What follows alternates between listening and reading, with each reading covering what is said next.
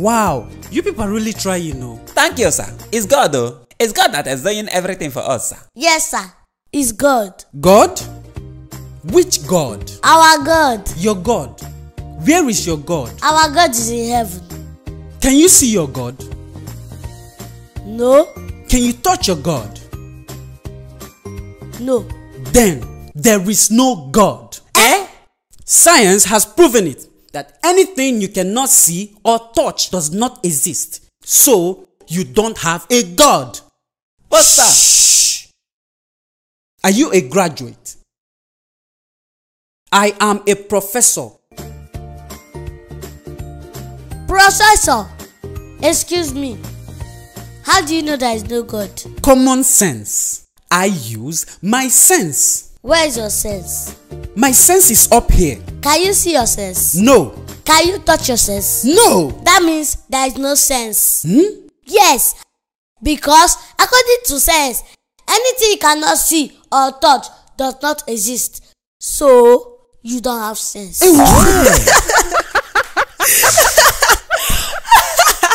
Emanuela. Parodi di atas punya pesan yang bagus. Kisah profesor dan anak kecil ini merefleksikan bagaimana pemikiran banyak orang mengenai keberadaan dan kepedulian Tuhan. Sejak dahulu, banyak kita jumpai orang yang skeptis mengenai keberadaan Tuhan. Dan tentu kita pun pernah bertemu dengan orang-orang yang berpikiran seperti itu. Ada yang tidak percaya sama sekali bahwa Tuhan itu ada. Ada yang ragu-ragu. Ada yang sebenarnya percaya Tuhan, akan tetapi mengira bahwa Tuhan bersikap tidak peduli. Ada pula yang berpikir bahwa perhatian Tuhan terlalu tinggi untuk diraih. Tuhan itu pilih kasih, serta lain sebagainya. Keberadaan Tuhan tidak dapat dibuktikan ada atau tidak ada. Alkitab menyatakan bahwa kita harus menerima fakta bahwa Tuhan itu ada melalui iman. Tetapi tanpa iman, tidak mungkin orang berkenan kepada Allah. Sebab barang siapa berpaling kepada Allah, dia harus percaya bahwa Allah ada dan bahwa Allah memberi upah kepada orang yang sungguh-sungguh mencari Dia.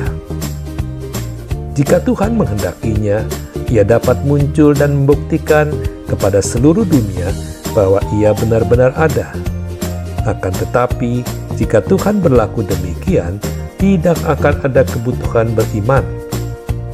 Kata Yesus kepadanya, "Karena engkau telah melihat Aku, maka engkau percaya." Berbahagialah mereka yang tidak melihat namun percaya.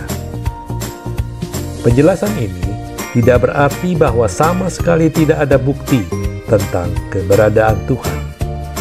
Ketika kita melihat bintang-bintang, memperhatikan luasnya alam semesta, mengamati keajaiban alam, melihat keindahan matahari terbenam, semuanya ini menunjukkan Tuhan Sang Pencipta. Alkitab juga menyatakan bahwa manusia tidak beralasan atas ketidakpercayaannya terhadap Tuhan. Banyak orang mengklaim menolak keberadaan Tuhan karena tidak ilmiah atau karena tidak ada bukti. Namun kenyataannya adalah ketika mereka mengakui adanya Tuhan, mereka menyadari bahwa mereka harus mempertanggungjawabkan kepadanya dan membutuhkan pengampunan daripadanya. Jika Tuhan tidak ada, maka kita dapat melakukan apa saja tanpa harus khawatir akan hukuman dan penghakiman Tuhan. Itu sebabnya mengapa banyak orang memilih untuk menolak keberadaan Tuhan dan memegang erat teori evolusi naturalis karena hal itu menjadi alternatif terhadap kepercayaan kepada Tuhan, Sang Pencipta. Tuhan itu ada dan semua orang pada dasarnya menyadari keberadaannya. Bagaimana caranya kita tahu bahwa Tuhan itu ada? Sebagai orang Kristen, kita tahu Tuhan itu ada karena kita berbicara padanya setiap hari. Kita tidak mendengar suaranya dengan telinga, tetapi kita menyadari kehadirannya. Kita merasakan bimbingannya, kita merasakan kasih-Nya. Kita rindu menerima kasih karunia-Nya. Peristiwa-peristiwa yang terjadi dalam kehidupan kita menghapuskan segala penjelasan alternatif lain selain keberadaan Tuhan. Begitu ajaibnya Tuhan telah menyelamatkan kita dan merubah kehidupan kita sehingga kita tidak dapat berbuat apa pun selain mengakui dan memuji keberadaannya. Amin.